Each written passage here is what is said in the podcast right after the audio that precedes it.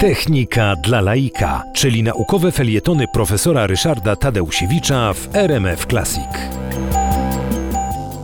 Współczesne samochody są bardzo mocno wyposażone w elektronikę. Komputer pokładowy zarządza m.in. wtryskiem paliwa, są tam rozmaitego rodzaju czujniki i sensory, z tym, że y, ograniczona i pod wieloma względami no, ciągle tradycyjna y, deska rozdzielcza, którą obserwuje kierowca, y, dostarcza nam tylko ułamek, niewielki ułamek tej wiedzy, którą samochód mógłby nam zakomunikować, jeśli byśmy tylko oczywiście tego chcieli. W chwili obecnej rozwija się tak zwany internet rzeczy, to znaczy zasada taka, że urządzenia, w tym na przykład samochody, zyskają możliwość e, wysyłania i odbierania informacji poprzez internet i będą mogły na przykład coś nam zakomunikować. Takim sposobem, który będzie najprawdopodobniej najwygodniejszy, to będzie wykorzystanie w tym wypadku smartfona. To znaczy, jeżeli wsiądziemy do samochodu, to a samochód będzie miał nam coś do zakomunikowania, zaraz powiem na przykład co, y, to wyślę to na nasz smartfon. Możemy tego posłuchać, możemy to sobie obejrzeć jako SMS, y, ale będziemy o czymś tam poinformowani.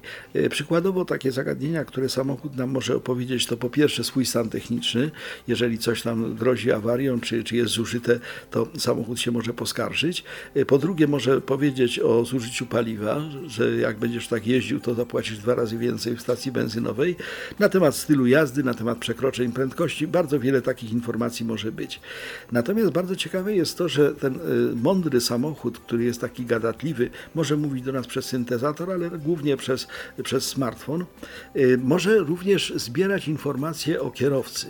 Y, ten komputer pokładowy w samochodzie zbiera informacje o stanie zdrowia, w cudzysłowie stanie zdrowia samochodu, ale może również badać stan zdrowia kierowcy.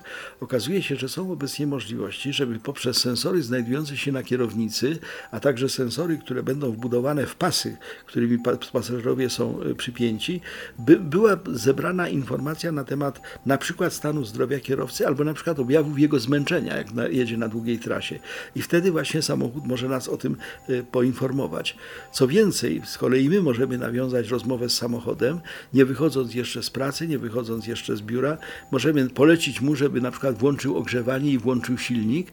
W ten sposób wychodząc zimą, ale taką zimą z prawdziwym mrozem z miejsca pracy, mamy na parkingu już nagrzany i z wyczyszczonymi z lodu z szybami samochód i możemy po prostu natychmiast ruszać, no bo silnik jest nagrzany. Wobec tego pogadajmy sobie z naszym autem.